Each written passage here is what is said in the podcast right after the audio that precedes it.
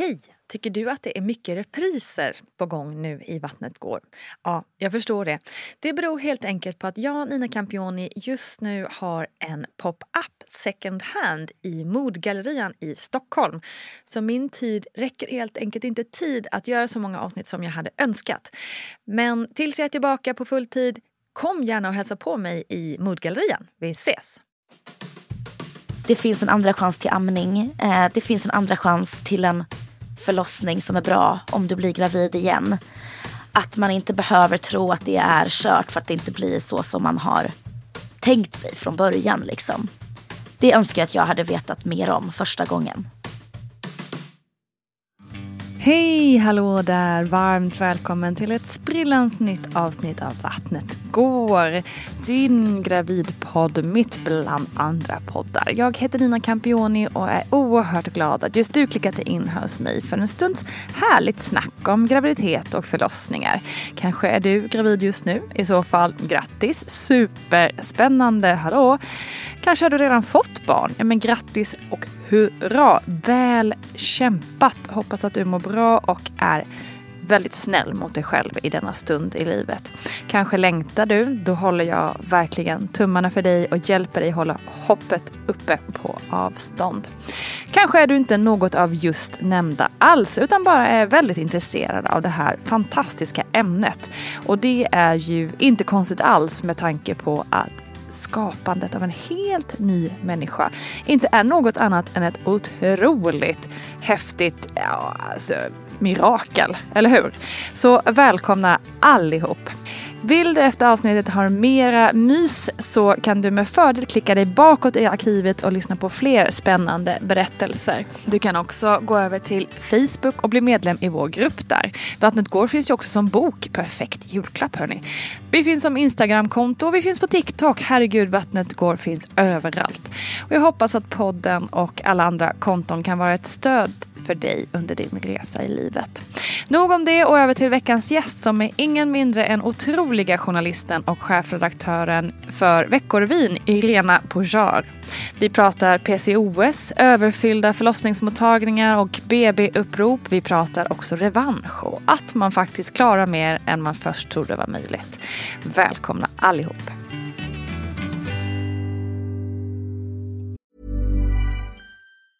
Hey, it's Ryan Reynolds, and I'm here with Keith, co star of my upcoming film, If, only in theaters, May 17th. Do you want to tell people the big news? All right, I'll do it. Sign up now and you'll get unlimited for $15 a month in six months of Paramount Plus Essential Plan on us. Mintmobile.com slash switch. Upfront payment of $45 equivalent to $15 per month. Unlimited over 40 gigabytes per month. Face lower speeds. Videos at 480p. Active Mint customers by 531.24 get six months of Paramount Plus Essential Plan. Auto renews after six months. Offer ends May 31st, 2024. Separate Paramount Plus registration required. Terms and conditions apply if rated PG. Hey there, it's Michelle Norris. I'm host of a podcast called Your Mama's Kitchen. When I travel, I'm usually looking for a way to find a taste of home when I'm not at home. And one of the things I love to do when I am at home is entertain. And Airbnb allows me to do that. When I was in California recently, I rented a house that had a great kitchen. And when we were sitting around the table, we're all thinking, we're in someone else's house. Someone could be in all of our homes as well. If you have a home, but you're not always at home, you have an Airbnb. Your home might be worth more than you think. Find out how much at airbnb.com/slash host. Burrow is a furniture company known for timeless design and thoughtful construction and free shipping, and that extends to their outdoor collection. Their outdoor furniture is built to withstand the elements, featuring rust-proof stainless steel hardware, weather-ready teak, and quick-dry foam cushions. For Memorial Day, get 15% off your Burrow purchase at burrow.com slash ACAST and up to 25% off outdoor. That's up to 25% off outdoor furniture at burrow.com slash ACAST. A lot can happen in the next three years. Like a chatbot may be your new best friend. But what won't change? Needing health insurance. United Healthcare Tri Term Medical Plans are available for these changing times. Underwritten by Golden Rule Insurance Company, they offer budget friendly, flexible coverage for people who are in between jobs or missed open enrollment. The plans last nearly three years in some states, with access to a nationwide network of doctors and hospitals. So, for whatever tomorrow brings, United Healthcare Tri Term Medical Plans may be for you. Learn more at uh1.com. Eh, hur hade du liksom sett eh, din plan eller icke-plan för att bli förälder liksom, när du ser tillbaka? Ehm, jag har alltid velat bli förälder. Eh, alltid gillat småbarn och alltid sett mig själv som en mamma långt innan jag blev förälder. Och ville gärna ha barn ganska ung. Nu var jag 28 så det är inte superungt men det är inte heller jättegammalt. Nej, verkligen. Ehm, så för mig var det helt självklart och det var någonting som jag, när jag träffade min man så pratade vi om det väldigt, väldigt tidigt. Jag var bara 21 då men det var så här, jag vill verkligen ha barn. Jag måste inte ha barn nu men jag kommer vilja ha barn. Så det var, det var alltid liksom väldigt självklart för mig att jag skulle ha barn. Men jag har aldrig varit särskilt liksom nyfiken och fascinerad av graviditet och förlossning och så. Jag såg det mer som ett nödvändigt ont för att sen få en Just bebis. Ja. Liksom. Vet du vad det är liksom den längtan eller vad man ska kalla den för härstammar ifrån? Oj. ehm, jag har inte tänkt så mycket på det men jag, eh, jag tycker verkligen att det är så gosigt och att barn är så roliga. Och jag har alltid haft väldigt mycket liksom, respekt för barn. Och jag har alltid mått väldigt bra när jag har varit med barn, haft alla relationer med barn. Ehm, och jag har också märkt, tror jag, liksom barn kan också liksom trygga och sätta ihop familjer. Alltså det, det, barn är ett väldigt bra klister liksom. Och det har det blivit i min, min familj också. Att alla kan enas om att det här är världens gulligaste unge och vi alla dör för den. Liksom. det, just det. Eh, det där har jag nog känt alltid från att jag var liten. Fint. Mm. Hur blev det sen då liksom när det började närma sig att det, var- att det var dags, dags för dig och er? Liksom? Ja. Var det planerat eller var det mer? Det var planerat och jag hade faktiskt, eh, vi hade börjat försöka och sen så eh, började jag liksom driva eget företag. Jag är ju chefredaktör på Veckorevyn och 2019 så började jag driva det varumärket själv i eget bolag. Och det var första gången jag skulle driva bolag och sådär. Och så sa vi så, men ska vi, ska vi vänta då med, med barn och se, se hur det blir. Och så hoppade vi över typ en månad och sen bara, äh, skitsamma.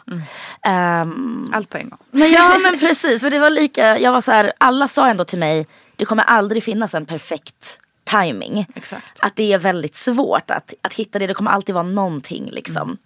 Ehm, och min man hade varit frilansare länge men han liksom började jobba på en fast anställning då. Så då var vi så här, okej men då har ju en av oss en fast anställning och så, och så testar vi. Ehm, men sen var det faktiskt så att eh, när vi hade försökt i ungefär ett halvår så försvann min mens. Och sen gick det två, tre månader och jag hade ingen mens överhuvudtaget. Vilket ju eh, var märkligt. Dels för att jag varje gång då trodde att jag var gravid. Eh, Men, Ja, såklart. ja, och eh, då fick vi göra en lite tidigare utredning eftersom mensen var helt borta. Det ska ju helst gå lite mer än ett år annars. Ehm, och då så visade det sig att jag har en hormonsjukdom som heter PCOS. Som ni säkert har pratat om Ja. i den här podden. PCOS står ju då för polycystisk ovarialsyndrom. Så tjusigt är det så att jag förstår att jag- man har gjort en förkortning. Det är knepigt att hålla på och säga det hela tiden. Men PCO det innebär att det är att man har många äggblåsor som sätter sig på äggstocken. Alltså inte färdiga ägg som lossnar utan själva äggblåsen. Äggblåsor som sätter sig där. På det viset kan det då blockera ägglossningen så att man inte får, får någon ägglossning. som liksom triggades och blev extra, vad ska man säga, allvarlig då. Så att eh, dels hade jag de här klassiska liksom eh, pärlbanden av äggblåsor som ju är förknippat med det. Så man har väldigt mycket äggblåsor men de släpper, äggen släpper inte och då kan de inte bli befruktade. Men jag hade också höga testosteronvärden. Ehm, så då fick jag börja äta så här ägglossningsstimulerande medicin, Letrozol. Och ta sprutor som heter Ovitrell för att Okej. ägget ska släppa. Ja. Och då gick det faktiskt på andra, på andra försöket. Okej, gud vad skönt ändå. Ja, jätteskönt. Ehm, men jag var ju väldigt... eh, jag hade ju aldrig varit gravid innan. Men man tänk, jag visste ju att det kunde ta lite tid. Men jag tänkte nog inte att så här, oj, min mens kommer försvinna. Och jag kommer liksom vara en man rent hormonellt. Och hur men ska nu precis. det här gå? Liksom? Men du visste inte innan det här att du hade PCOS? nej, nej. Eh, För jag har ätit liksom p-piller sen jag var tonåring. Ehm, så jag har aldrig liksom märkt av att eh, några sådana symptom. Och sen hade jag ju också, när jag har gjort uppehåll på p-piller har jag ändå haft mens ganska regelbunden. Eh, så det kan också vara att den triggades igång lite extra just då. Ehm, men det var rätt tufft, jag mådde inte så bra av den medicinen. Det är ju så här ganska stark medicin som jag reagerade dåligt på. Jag blev väldigt känslig av den. Jag, jag blev liksom som en 13-åring, 14-åring liksom, hormonellt och Ah, okej, så. ja, ja, ja. Ehm, men som tur var då så gick det ju på, på andra försöket. Mm. Och eh, under den tiden när man, när man försöker och så, så är man ju väl, känner man ju sig ganska ensam. Men jag lyssnade mycket på den här podden och jag lyssnade mycket på så här infertilitetspoddar och sen förstod man ju att oj vad det är många som går igenom exakt det Mm. Här. Liksom. Ja, det är inte som på sexualkunskapen i skolan där det är så om du tittar på en kille så kommer du bli gravid. Liksom. Det är så roligt för så många, alltså nästan varenda person som jag har ehm, liksom, intervjuat i den här Mm. podden har varit så här att ehm, liksom, nej men eh, man trodde ju att det skulle Ja men alltså man blir ju gravid direkt om man Ja. har samlag. Ungefär så. Innan man lär sig att det inte är så. Exakt. Men eh, det är ju det man har fått i sig. På Ja, sätt. Men jag förstår vilken tuff liksom, upptäckt och ja men rent också, mentalt också kanske. Liksom, att, Ja men precis och också att jag så här, jag var inte orolig för att jag aldrig skulle bli gravid. Det fanns ändå så här, du har många ägg, det, det liksom fanns ju många vägar framåt.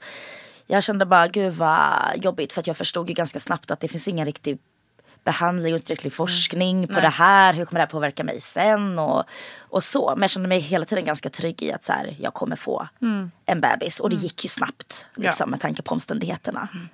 Hur kändes det då när du fick veta att du var gravid?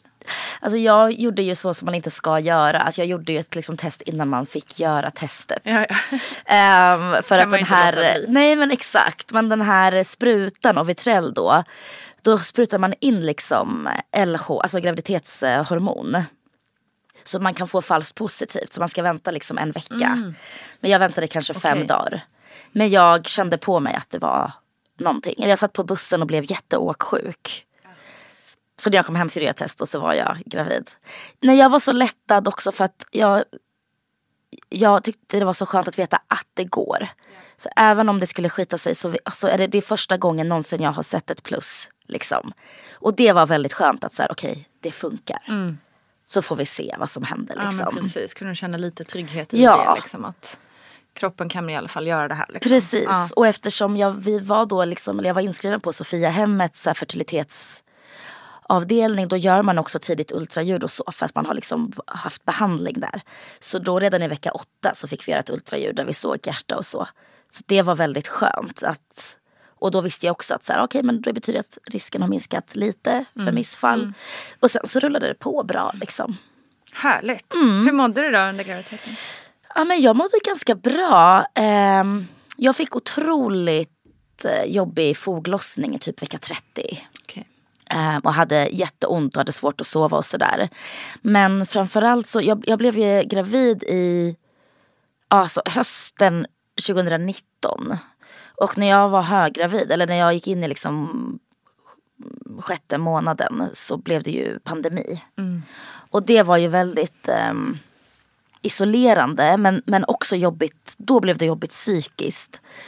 För det är så svårt att tänka på det idag men man var ju livrädd. Alltså ingen visste ju någonting om det här viruset.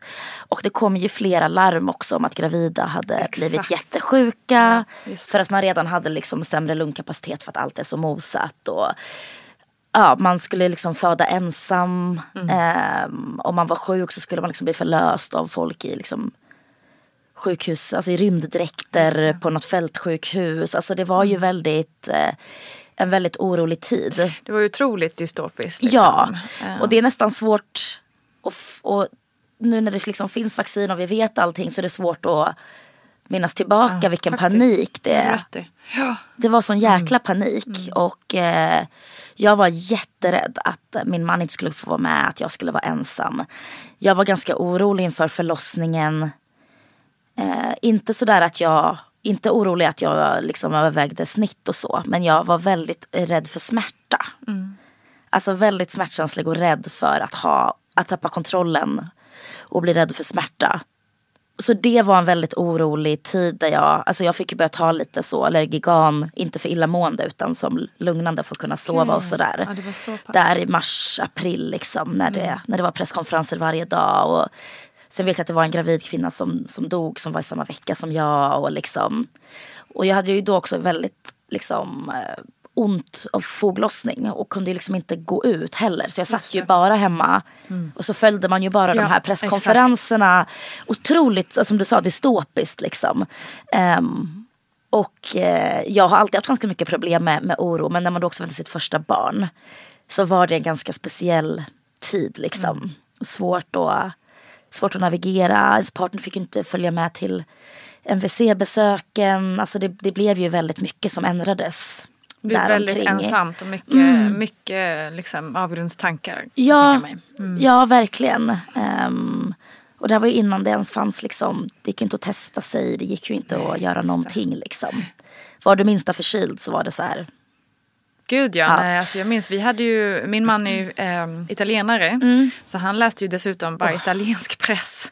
Ännu alltså värre. det var, usch det var tufft. Vi hade ju barnen hemma från skolan i, jag tror det var två månader. Mm. Ehm, liksom för att det är helt, så det var, ja ja. Ja, nu, jag var- Sjukt precis som du säger, man har glömt bort Ja. hur, hur liksom rädd man ändå Ja, var. man visste och, ingenting. Det var bara så död, död, död. Varje dag bara Exakt. pushades det ut hur många som hade dött. Liksom. Och min man jobbar med, med reklamfilm, alltså en reklamfilmsproducent. Och var ju, innan de började stänga ner inspelningar och så, så var han ju liksom på kontoret och ute bland folk och så. Mm. Och då var jag så här till slut, men du kan inte, du kommer inte kunna vara det när förlossningen exakt, närmar sig. exakt. Liksom. Ja, så det var, ehm, då blev det oroligt. Innan dess Mm. så, mådde jag, så mådde jag bra ändå. Förstår. Mm.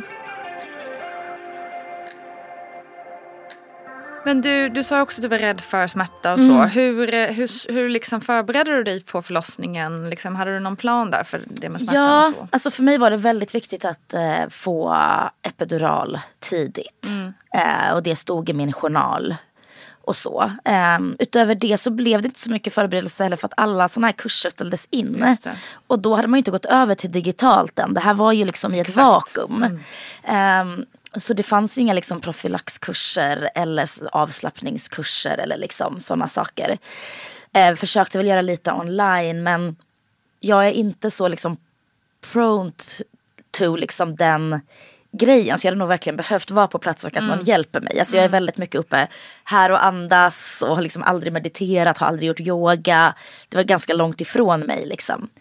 Ehm, och sen fanns det ju inte så mycket ehm, liksom resurser i, i vården. Alltså jag vet att ganska ofta blev ju liksom MVC-besöken inställda för att någon blev förkyld. Och liksom, eh, de kallades in för att hjälpa till på andra ställen i sjukvården och så. Så att jag försökte väl liksom förbereda mig så gott det gick och tänkte mycket på det här med smärtlindringen. Men jag var ändå ganska, jag tänkte så här, men jag målar fram på väggen. Det, här, det kommer ändå gå bra när jag väl ska, ska födas. Kände jag liksom ändå innerst inne någonstans. Jättesvår tid att navigera i det där. Liksom. Som du säger, att det var ju verkligen så att barnmorskor och sköterskor kallades in och fick jobba på andra ställen. Och, och liksom, som du säger, minsta, minsta lilla så ställdes saker Ja. in. Liksom. Ja. Det är ju, och det är ju verkligen en tid då man behöver alltså verkligen luta sig mot Ja. de professionella i alla de här tankarna som man har. Liksom. Det är ju det enda man, man har. Och så försvann det. Men jag, jag tyckte nog det som var jobbigast var ändå att jag inte visste hur det skulle bli om någon av oss var, var sjuk. Alltså de började ju också så här, även om man var frisk så skulle man inte få ha partner på BB. På andra BB runt om i landet så liksom kallade man in när, när liksom krystarbetet började fick partnern komma sådär. Det var jobbigt, den ovissheten. För då, är det ju, då var det som att allt man hade sett framför sig bara raserades ju. Och det var från dag till dag så kom det olika besked. Det tyckte jag var jobbigt att den, släppa den kontrollen. Liksom. Jag förstod inte hur jag skulle kunna klara det. Om Nej. det var det som var förutsättningarna. Liksom. Jag fattar. Så vi tar oss dit Mm. när det var dags. Hur såg det ut då?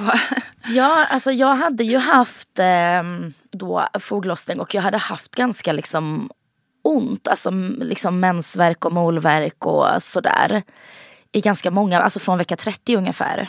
Och eh, jag hade liksom flera gånger varit och lämnat urinprov och de hade liksom, så här, nej men det är ingenting, det kan vara så här för vissa och så. Och jag bara kände, jag hade en sån jävla stark magkänsla att det här är någonting annat. Jag kommer föda tidigt liksom. Ehm, fixade liksom allt hemma och eh, packade så här, redan i vecka 32 och var så här, det är någonting liksom.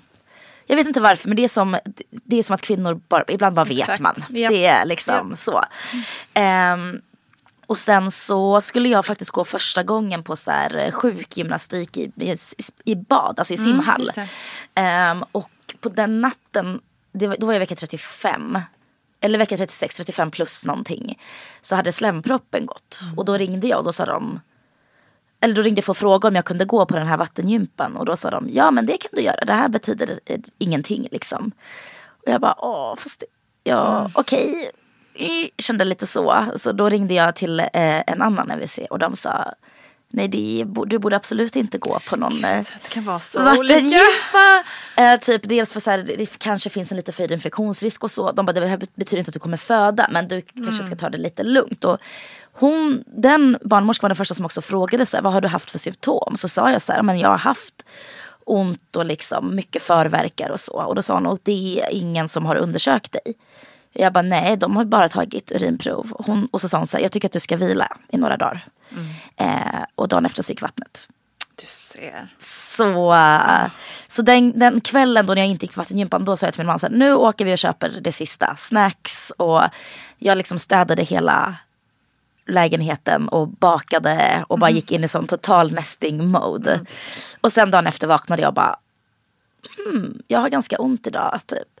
Hade ett jobbmöte och bara var så här, jag är så less på det här.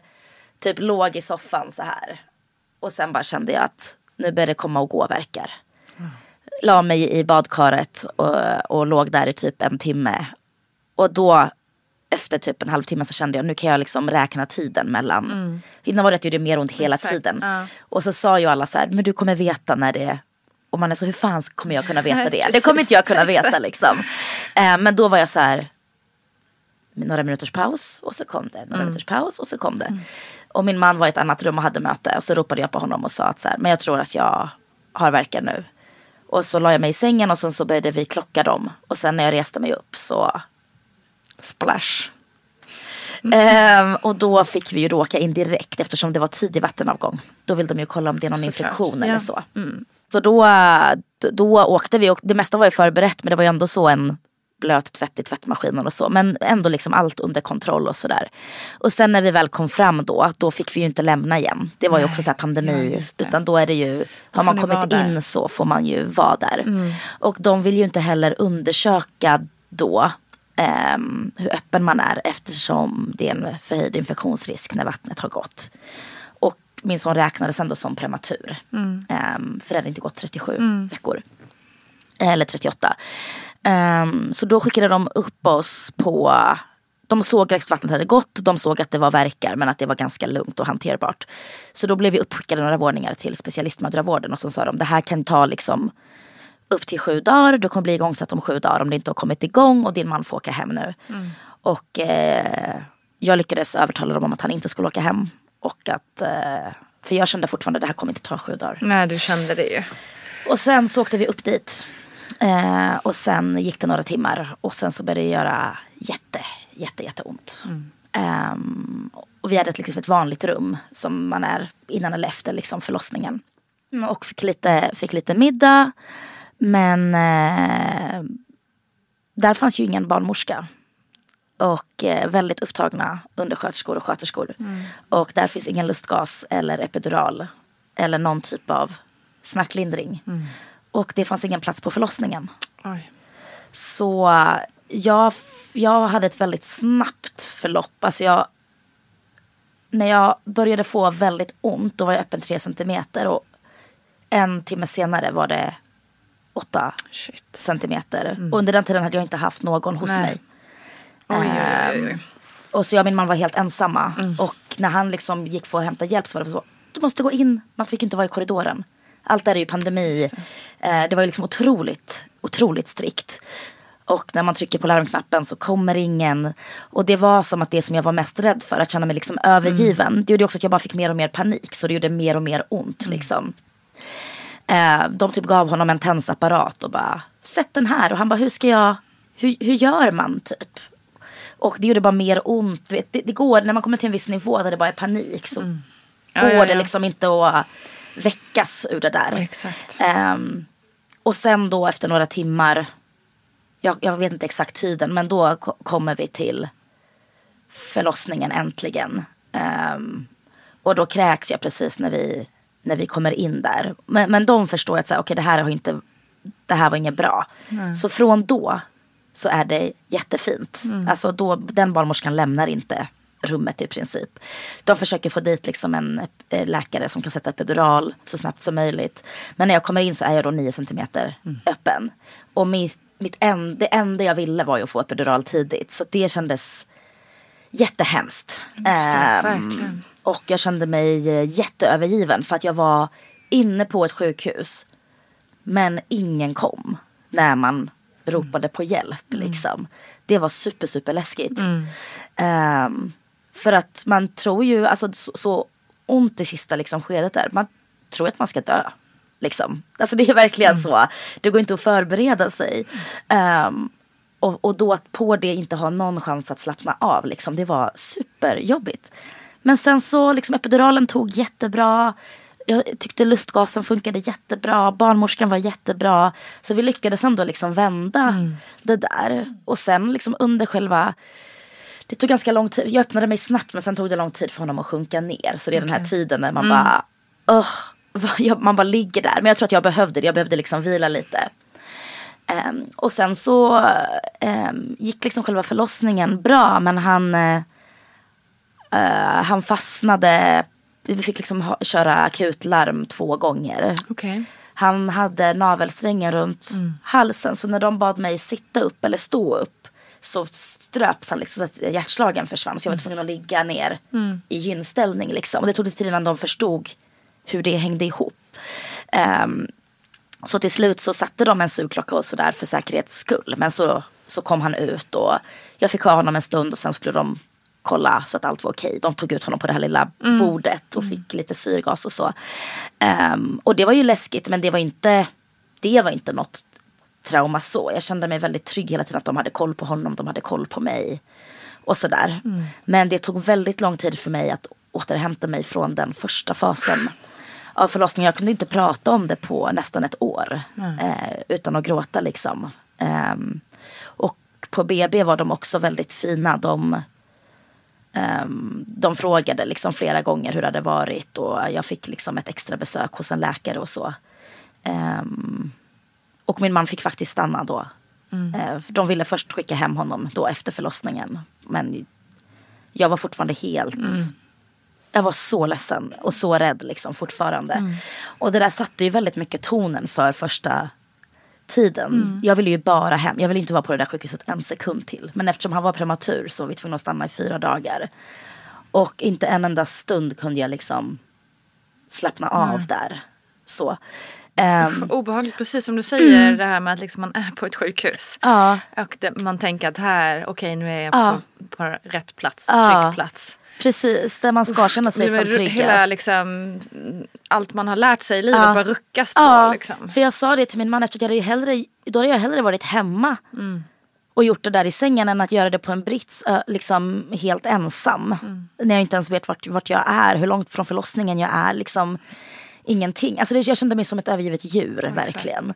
Ehm, Och alla studier som finns tyder ju också på det, liksom, hur viktigt rummet är. Ja. Tryggheten i rummet Ja. eh, på förlossningsförloppet. Och, och sen så, jag förstår ju liksom att så här, det brukar inte gå så snabbt när man är förstföderska. Det, öppningsskedet är långt och så. Men det blev väldigt tydligt hur icke individanpassad förlossningsvården är.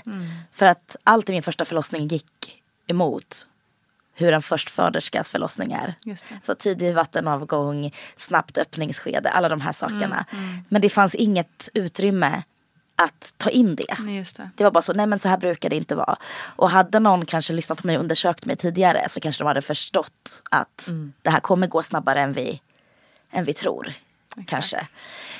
Um, så precis, det ruckade ju liksom tilliten på Mm. något sätt. Sen skulle jag säga att uh, det har jag verkligen återhämtat mig från idag. Uh, men det tog tid. Um, för att det blev verkligen uh, det var så mycket mer än bara att det var en förlossning. Det var hela systemet som jag tappade tilltron till. Och just som du säger att man ska vara på den tryggaste platsen och så känner man sig som det otryggaste man någonsin har varit. Liksom. Jättekonstig känsla. Och jag har ju pratat med folk liksom inom vården efteråt och det alla har sagt är ju så här, så här, ja, det är inte normalt att det där hände, det är fel. Och det var väldigt skönt att höra att så här, det var fel. Att inte jag som har överdrivit, vet, man är ganska självspäkande liksom. Gud ja. Men också att de sa, förmodligen hade du ju, hade du kommit in senare till förlossningen så hade du förmodligen blivit inlagd. Men att man glöms lite bort eller prioriteras man bort för att man redan är Ja, inne. det. För de vet ju att här, om något händer så är man är ändå redan inne på sjukhuset. Hade jag liksom plingat på då så kanske jag hade fått komma in. Så det är mycket som är liksom otur Mm. också. Ja och sen också som du har berättat liksom hela allting var lite upp och ner liksom. Ja, jag tror att pandemin hade jättemycket med det här att göra också. Att, att det var liksom en otrolig arbetssituation, alltså otroligt pressad arbetssituation för alla. Och då, det var ju liksom brist på sjuksköterskor och barnmorskor och, och allt. Och jag tror inte att jag är ensam om jag käkade middag med en kompis igår som sa att det skulle vara så intressant att titta på förlossningsupplevelser för de som föddes 2020. Eh, för att det, Och måendet efteråt. Ja, för man måste ha blivit påverkad av hur situationen i sjukvården såg ut och hur liksom uppskruv, uppskruvat tonläget var också kring risker och hur rädd man var liksom och sådär. Exakt, Mm. verkligen.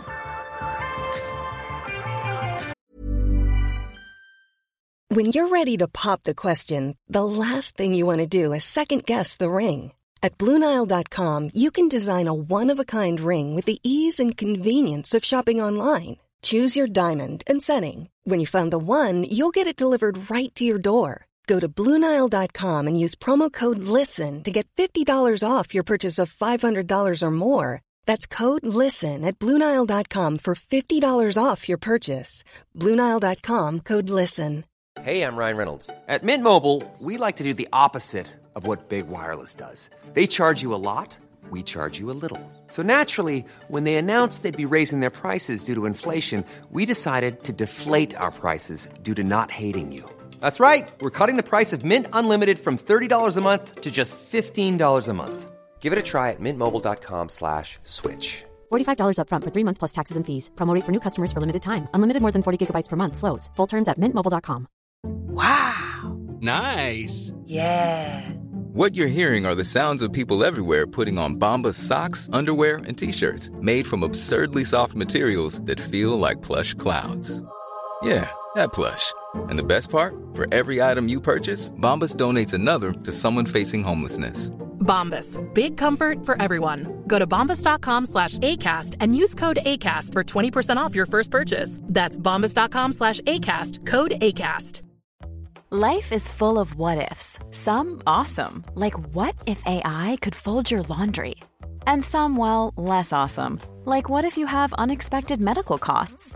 United Healthcare can help get you covered with Health Protector Guard fixed indemnity insurance plans. They supplement your primary plan to help you manage out of pocket costs. No deductibles, no enrollment periods, and especially no more what ifs. Visit uh1.com to find the Health Protector Guard plan for you. Quality sleep is essential. That's why the Sleep Number Smart Bed is designed for your ever evolving sleep needs. Need a bed that's firmer or softer on either side? Helps you sleep at a comfortable temperature? Sleep Number Smart Beds let you individualize your comfort so you sleep better together. JD Power ranks Sleep Number number 1 in customer satisfaction with mattresses purchased in-store. And now, save 50% on the Sleep Number limited edition Smart Bed for a limited time. For JD Power 2023 award information, visit jdpower.com/awards. Only at a Sleep Number store or sleepnumber.com.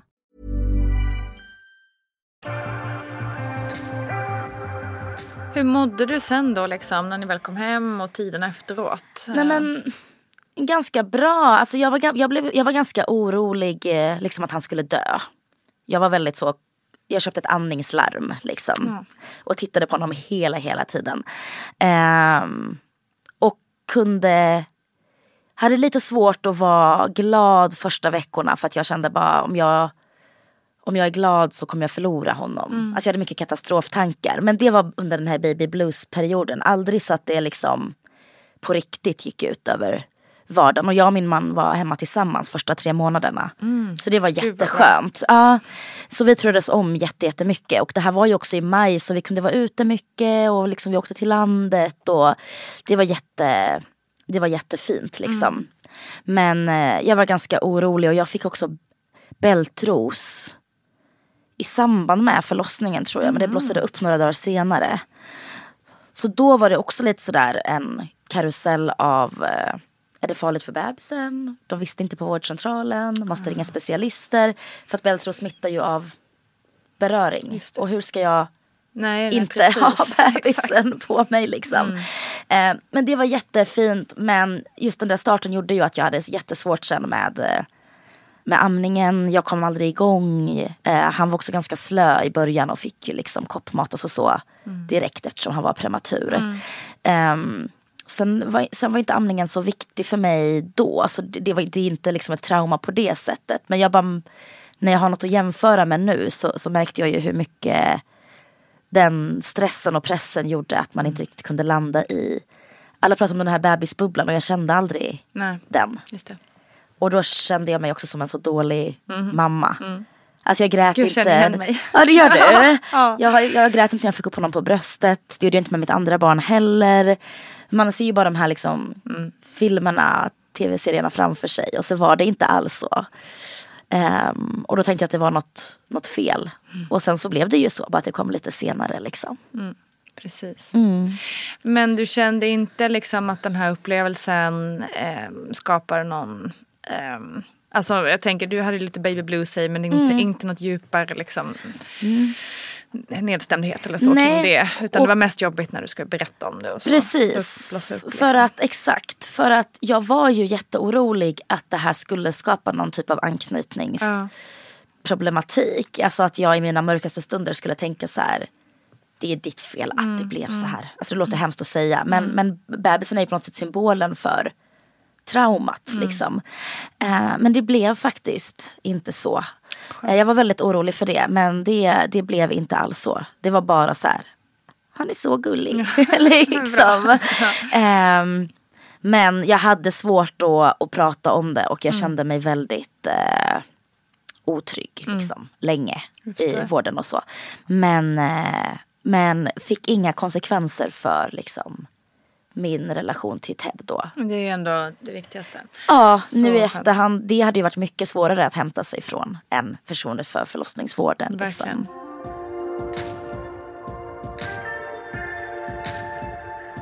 Du, du driver ju Veckorevyn, liksom ett magasin som är Mm. eh, otroligt viktig för eh, de unga kvinnorna. Det har ju varit liksom även i mitt liv. Mm. Ehm, hur har din upplevelse och liksom, eh, dels att bli, bli mamma Mm. men också allt du har gått igenom liksom, graviditet och PCOS och all, liksom, alla Mm. nya upplevelser du har varit med om under det här liksom, det året. Hur, hur liksom kan du se att det förändrade din, eh, din syn på eller liksom hur, hur ett, ett magasin för unga kvinnor och tjejer ska, ska se ut? Jo men delvis gjorde det det.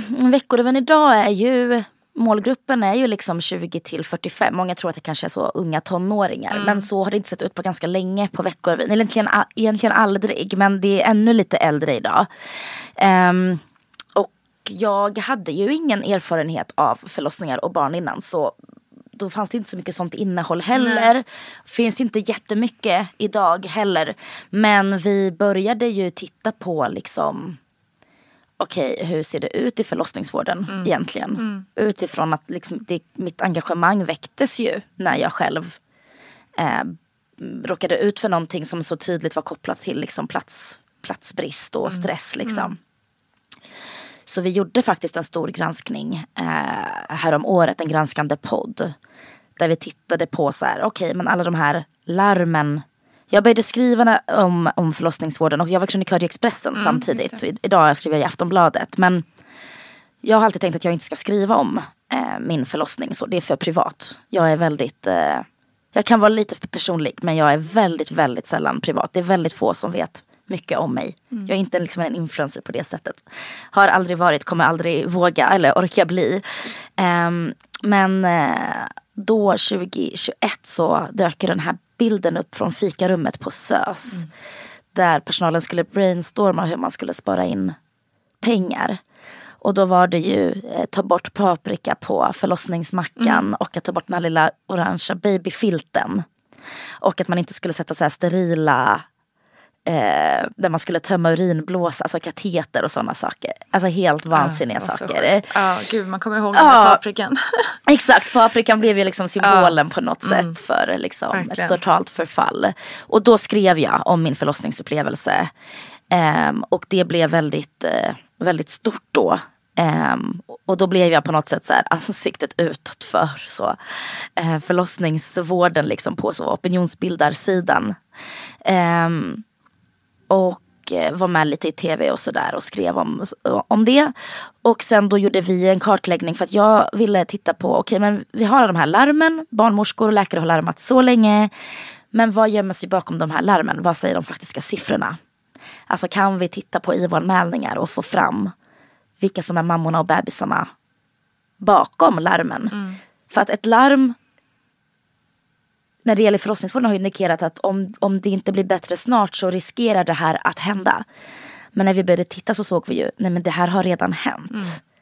Det här är inte någonting i den hemska framtiden utan mammor och bar, barn dör idag. Ehm, och när vi började titta då tillsammans med en frilansjournalist som heter My Wingren som är grävjournalist som hjälpte oss bygga upp den här databasen då med alla de här IVO-anmälningarna så såg vi ju att hälften av alla mammor och bebisar som dör, eh, framförallt bebisar, hade kunnat räddas. Enligt IVO och sjukhusen själva. Utöver det kan det finnas ännu fler. Och att hälften av alla skador skulle kunna undvikas. Och att det fanns flera fall under fem år där bebisar har dött på grund av platsbrist. Det är ju Ja, hisnande siffror. ja alltså. det var så mycket värre än vi trodde. Och jag blir alltid, jag har gjort liksom en del sådana här kartläggningar. Jag blir alltid lika provocerad av att all den här faktan finns. Men ingen har sammanställt den. Alltså allt det här finns hos IVO. Jag har också jobbat mycket med eh, att granska SIS och HVB-hem som ju varit på tapeten mycket senaste åren och sexuella övergrepp. Alla de här anmälningarna finns ju. Allt det här är ju IVO-anmält. Men det, det, görs, Det det, byggs inte en liksom. databas. Man, man, man ser inga mönster. Hade man, hade man jobbat aktivt med den här datan så hade man tidigt kunnat se att nu håller någonting på att hända här. Liksom. Ehm, det har varit otroligt eh, frustrerande att, att vi, att Veckorevyn ska behöva göra det. Liksom. Så jag är jättetacksam att vi kunde göra det. Liksom. Men det blev så tydligt att det här är inte bara larm. Det här är på riktigt. Bebisar har dött i Sverige för att vi har platsbrist. Och för att barnmorskor och läkare är stressade. Det är helt vansinnigt. Och hälften av alla förlossningsskador skulle kunna undvikas. Vi pratar ju mycket om förlossningsskador och rehabilitering. Det har ju ändå varit liksom på tapeten i många Absolut. år. Men att hälften av skadorna inte hade behövt uppstå från första början. Det har vi inte vetat. Ändå har IVO sjukhusen själva sagt det. Ehm, så på så sätt så har jag ju tagit in det mycket i mitt, i mitt arbete. Sen skriver vi inte om det varje dag. Men det är ju en, en, liksom, ett övergripande ämne som jag eh, håller koll på hela tiden. Liksom. Men det är ju häftigt det där liksom, hur någonting i livet kan påverka ens på Mm. så många olika plan. Liksom. Något nytt händer och man är med om någon ny erfarenhet och så, så skapar det ett Precis. engagemang. Liksom. Och jag kände ju mycket, jag eh, som sagt vill inte gärna vara privat men jag kände väldigt mycket att jag hade en sån jäkla plattform både med Veckorevyn men också som krönikör. Att jag kände att nej men det är, eh, jag, det är min skyldighet, så det är ett privilegium att få jobba med det jag gör. Och om jag kan försöka göra någonting för att belysa frågan då, då gör jag det. Det får det liksom vara, vara värt. Jag får skriva om hur rädd jag var och hur mycket jag blödde. Och att jag inte fick ta en ny morgonrock fast den var helt nerblodad. Ehm, och jag hatar det på ett sätt. Ehm, för att jag eh, hatar att kvinnor alltid måste berätta om sina trauman för att bli lyssnade på. Ja. När det gäller sexuellt våld eller förlossningsvården eller vården överhuvudtaget eller förlossningsskador. Att det inte räcker att visa statistik. Men Exakt. tyvärr så, så är det så. Ehm, och jag har ju alltid skrivit om liksom, sådana tuffa frågor och alltid haft case där liksom, tjej, jag har intervjuat tjejer. Och så kände jag okej, men nu är ju jag den tjejen. Och jag, jag kan göra det på mina egna villkor i min egen kolumn. Eh, så då kändes det ganska enkelt och självklart faktiskt. Det är vi tacksamma för. att Du gjorde. Um. Så bra och viktigt. Jo.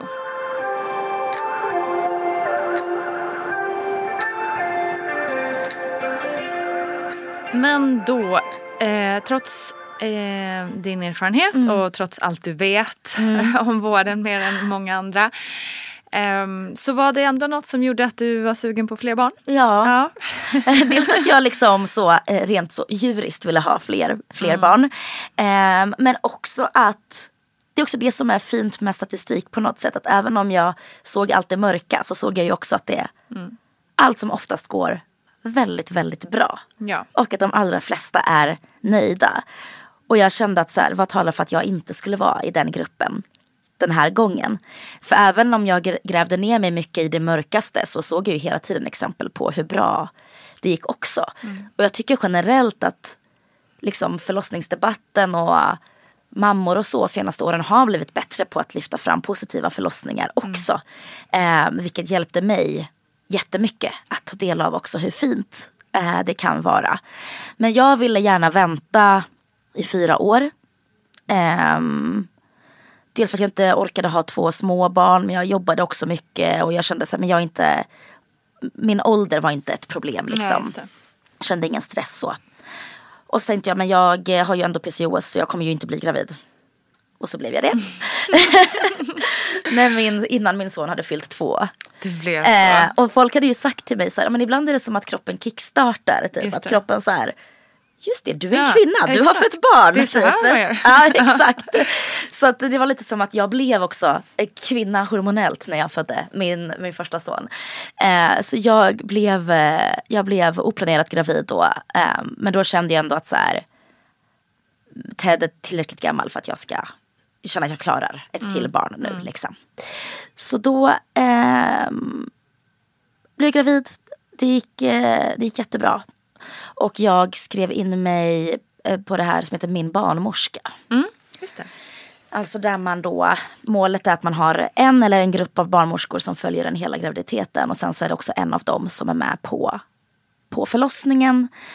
Ehm, och det riktar sig då främst till förlossningsrädda eller personer som har haft en traumatisk upplevelse. Och jag var fortfarande inte förlossningsrädd ens efter det här. Nej, det var inte det. Nej, alltså jag, jag, jag, jag fick aldrig den där paniken eller jag, jag vill göra snitt eller jag sådär. Utan jag kände att jag ville ha revansch. Liksom. Men var väldigt orolig att inte bli lyssnad på igen. Och jag tänkte att det här var ett sätt att göra allt jag kan för att det här inte ska hända igen. Att ha ett tajt team med barnmorskor som liksom jobbar med mig och så. Ehm, och egentligen hela det, jag kände mig trygg med hela det teamet. Även om inte jag hade fött med någon som jag inte hade träffat innan så skulle det kännas okej. Det är en annan filosofi kan man säga. Liksom. Det, det, det, det, mamman är väldigt mycket i fokus, inte bara att barnet och mamman ska överleva. Liksom. Eh, så det kändes väldigt bra eh, under hela graviditeten. Att ha dem. Det förstår jag. Ehm, Och det har ju också visat statistik Ja. att det har varit otroligt lyckat. Ja, jätte. Det projektet. Ja. Ehm, Och det höll ju på att försvinna och sen räddades det. Och jag hoppas att det ska utökas nu till eh, fler städer. För att det har haft jättefina, Mm. jättefina resultat. Ehm, och det är dyrare, det är dyrare liksom vård i stunden. Men det är, det är färre inläggningar på neo, färre Exakt. inläggningar på BB. Men och även efteråt. Liksom. Ja, även efteråt. Ja, men men problemet är ju att de här liksom, sista raden av uträkningar går på olika budgetar. Man, man tittar liksom inte Nej, och det är ju återigen då liksom, vi, vi har den här datan, Vi kan har ni det. se, mönstret? Ja, liksom. Ni tjänar pengar Ja, i längden. Ja, Ja. och ehm, Eller sparar. nej, men tänk dig bara liksom all utebliven eventuell liksom, traumaterapi för en mamma som förlorar sin bebis eller en pappa som ser Mm. sin fru dö. Alltså vet, det går liksom inte att ens så, om vi nu ska prata pengar men det går inte heller att räkna i Nej människovärde men alltså liksom. verkligen. Och bara, eller bara en mamma som alltså, har en förlossningsdepression Ja. och liksom går med det. Istället Ja. får man liksom en lycklig Ja. familj och liksom produktiv direkt, Ja. kan komma ut i arbetslivet snabbare. Exakt. Alltså det, Det har ju sådana ju- vinster på Ja. långa, långa Ja, liksom, och det loppet. är man ju väldigt dålig på att se liksom, Mm. i förlossningsvården hur allt det här hänger ihop. Liksom. Det finns inget, helhet, inget helhetsansvar. Liksom. Ehm, men ja, jag trodde att jag skulle föda tidigt igen. Eh, och alla sa till mig att eh, det är ganska stor risk att du kommer göra det. Eh, och det gjorde inte mig så mycket. Jag tänkte så här, bara efter vecka 34 så är det ändå, så är det ändå lugnt. Så föddes han i vecka 40. Och den sista månaden var den längsta tiden i mitt liv. Jag hade liksom aldrig varit gravid så länge. Nej. Jag fick ju aldrig den här sista tunga månaden. Så jag bara, vad fan är det här nu liksom? eh, otroligt rastlös Ja, liksom där i, där i slutet. Men eh, sen kom han fyra dagar innan BF. I, en, eh, I en pool utan epidural. I ett nedsläckt badrum på Huddinge sjukhus. Med två barnmorskor varav den ena då hade jag känt hela Ah. graviditeten. Shit. Ja. Jag hatade fortfarande att föda barn. Ja. Alltså jag kände mig inte som en urkraft. Och jag tyckte det gjorde så jävla, jävla ont. Och liksom. Jag har haft liksom ett problem med båda förlossningarna. Jag har känt mig dålig. Jag har känt mig dålig på att föda barn. Och det gjorde jag den här gången också. Fast alla förutsättningar fanns där. Och då förstod jag att så här, det kanske bara är så här för vissa. Ja och liksom, alltså, utifrån sett så tänkte man ju så här, fan du är ju grym på att föda barn. Det första födde du i stort sett själv typ. Och det andra liksom mycket mer så här proffsigt med liksom team och, Ja. och Men att man eh, liksom, eh, jag bara tänker att så här, det borde, varför kan jag inte bara få ut, få ut den? Ut med dig liksom. Ehm, och det sa jag också på ett återbesök, att jag kände mig bara så dålig. Att jag bara Christer och Christer bara kom inte liksom. Men den förlossningen gick ju mycket snabbare. Och det var också noterat att eftersom öppningsskedet var så snabbt redan första gången så kommer det gå ännu snabbare den här gången. Och själva nedsjunkandet går ju snabbare andra gången. Ehm, så jag hade liksom en dag, jag var på Junibacken med min man och min son. För vi ville göra, vi ville göra något liksom sista själva med honom. Jag tyckte det var jättejobbigt att tänka att jag aldrig, skulle mer, aldrig mer skulle vara ensam med honom. jag grät när vi åkte hemifrån. För att det kommer aldrig mer bara vara vi. Det var väldigt känslosamt för mig. Ehm, och eh, kände mig otroligt rastlös hela dagen. Och sen la jag mig på kvällen och sen vaknade jag. Gick på toa, la mig igen och då hörde jag det här knäppet som alla berättar om. Första gången hörde jag inte det när vattnet gick. Men jag la mig ner och så hörde jag. Och jag bara, ja. Och klockan var typ ett. Ehm, och sen tog det lite tid innan det liksom rann ut. Men då direkt eh, efter det så ehm, det gick typ en timme så väckte jag min man och så ringde vi och så sa de men vänta lite och se bara om det drar igång. Och så gick det typ en kvart och så ringde vi igen så sa de åk. eh, och sen så eh, kom vi in vid typ jag vet inte vad klockan var men vi kom dit och var jag eh, sex centimeter öppen. Oj, oj, oj. Och då var jag jätteglad för jag kände mig så stolt att jag hade klarat det. För förra gången i den fasen hade jag panik. Ja, liksom. Men nu var det också att jag visste också hur det skulle kännas. Alltså det är ju så mycket som är lättare andra gången. absolut. Eh, och sen så föddes han en timme senare typ. Vi var på sjukhuset en timme och en kvart. Varför säger jag att du inte kan få föda barn? Det liksom, går ju i Ja, raketfart. men jag tyckte liksom att kristfasen det tog så Ja. lång Jag tänkte hela tiden nu kommer han på nästa, nu kommer han på nästa, nu kommer han på nästa. Men vi var där en timme och en kvart liksom. Men så det var väldigt gud. skönt eh, att, vi, att vi åkte i tid. Ja, Liksom. verkligen. Ehm, och då så var jag i poolen under, liksom, under öppningsfasen och då hade jag bara ehm, lustgas. Eh, och det funkade bra. Och sen var jag så här, nej nu, nu är det för mycket, jag vill ha epidural. Och då sa de, nu kommer han. Så Ja. det blir inget. liksom. Ehm, men det fick, det fick gå och det gick jättebra. Liksom. Men det var, usch. Ja. Alltså, jag liksom, allt gick bra och jag ser tillbaka på det med glädje. Men jag tycker att det gör så ont. Och jag Ja. hatar att ha ont. Ja, jag och jag har inte fått den där eh, gudinnakänslan liksom. Men ändå har det ju varit värt det och gått bra och Ja. så liksom.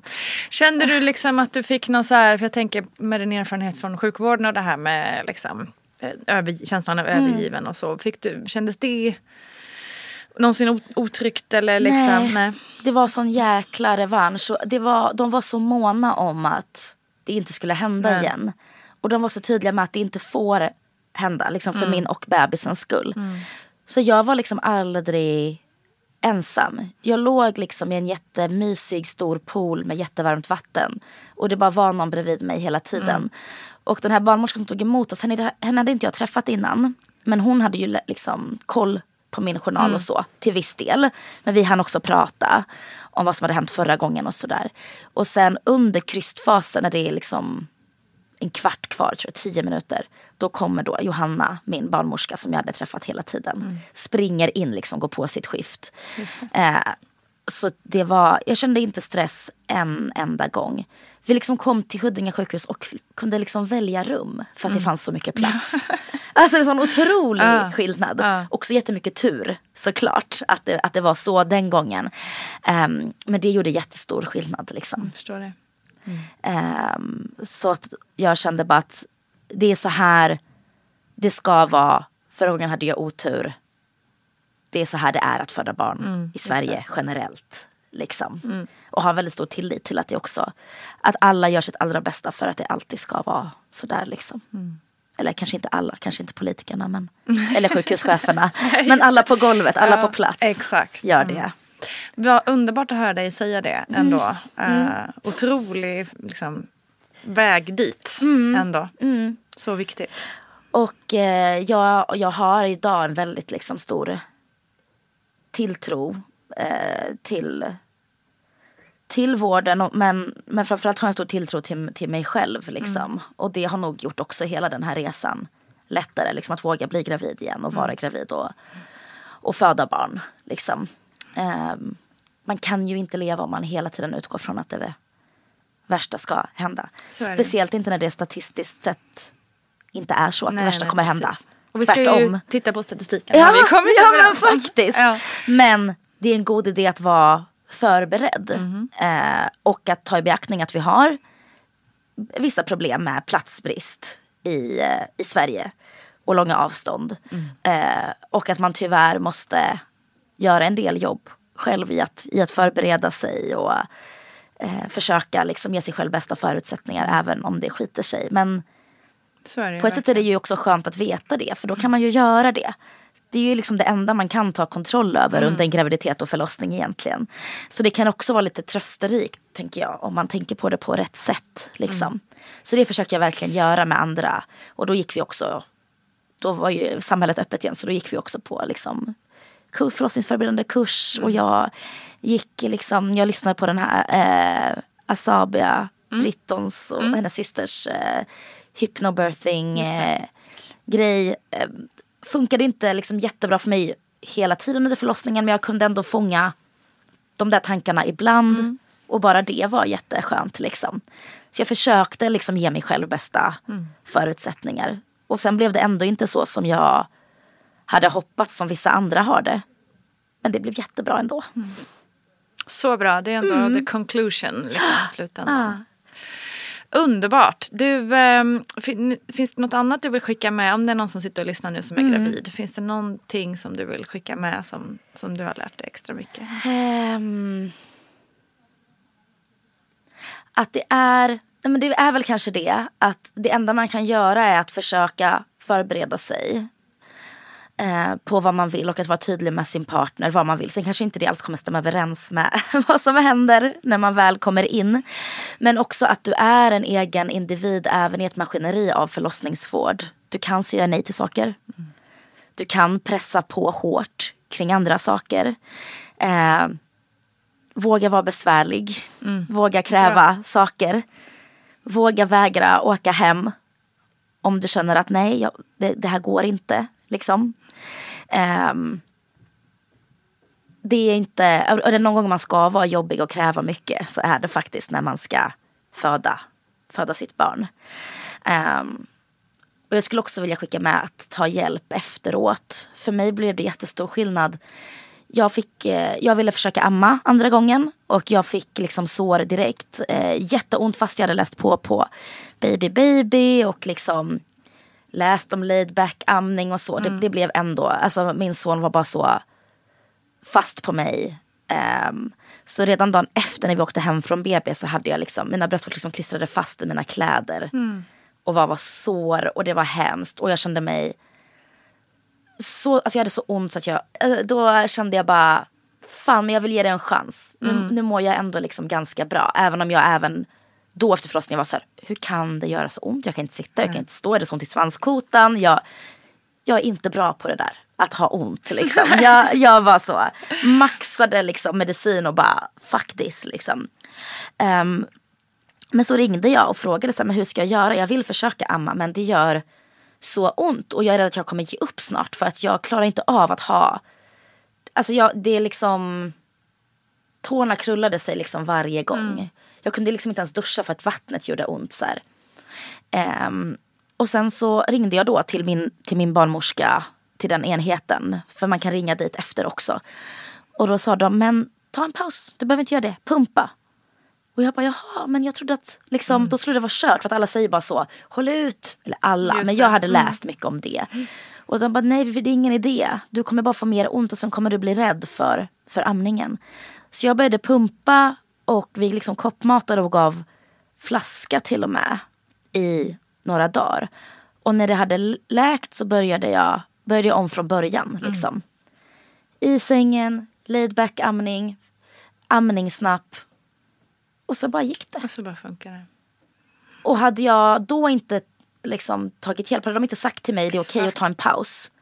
Så hade jag aldrig ammat. Och, och nu att de inte hade haft den connection att Nej. kunna ringa dit. Och, och fråga. Mm. Precis. Uh, och jag hade i mitt huvud trott att så här, om, om du inte gör det direkt så kommer det inte kommer det inte gå. Mm. Och det vill jag skicka med. Att det är liksom inte kört bara för att det inte funkar de första dagarna. För det kan finnas massa anledningar. Bebisen kan vara lite slö. Mm. Du kanske är för trött. Du kanske måste sova. Du kanske får sår. Um, du kanske inte kan slappna av liksom. Um, och jag blev jättestressad av att han var hungrig. Innan mjölken hade runnit till. Um, och sen så ammade han nästan, alltså han ammade liksom till 80 procent i somras nästan 100 procent. Tills han blev åtta månader och slutade amma av sig själv när han började äta mat. Mm. Det trodde jag aldrig de första dagarna där. När jag, jag inte kunde liksom ha kläder på mig för att det gjorde så ont. Mm. Så det finns liksom en andra chans för allt. Mm. Om man blir separerad med bebisen efter förlossningen, det finns en andra chans till en golden hour som det kallas. Det finns en andra chans till amning. Eh, det finns en andra chans till en förlossning som är bra om du blir gravid igen att man inte behöver tro att det är kört för att det inte blir så som man har tänkt sig från början. Liksom. Det önskar jag att jag hade vetat mer om första gången. Så bra citat. Det finns en andra chans ja, till allt. Ja, det gör det faktiskt. Jättebra. Mm. Det får det här avsnittet heta. faktiskt. Det är lika bra. Ja. Underbart. Tusen mm. tack. Tack så jättemycket. Tusen tack Irena Pojar. Jag är så tacksam för att just du ville vara med och dela med dig av dina erfarenheter. Och tack för att du vågar ta debatten. Våga sätta ljus på hur det faktiskt är. För fakta hörni, riktig fakta, det är viktigare än någonsin. Senare i veckan kommer Irena också tillbaka till Barnet Går. Missa inte det, för då kommer hon avslöja att hon är en lat förälder. Hmm, undrar vad det innebär. Tack för att ni har lyssnat. Ha en underbar dag alla. Vi hörs snart igen. Kram, hej då!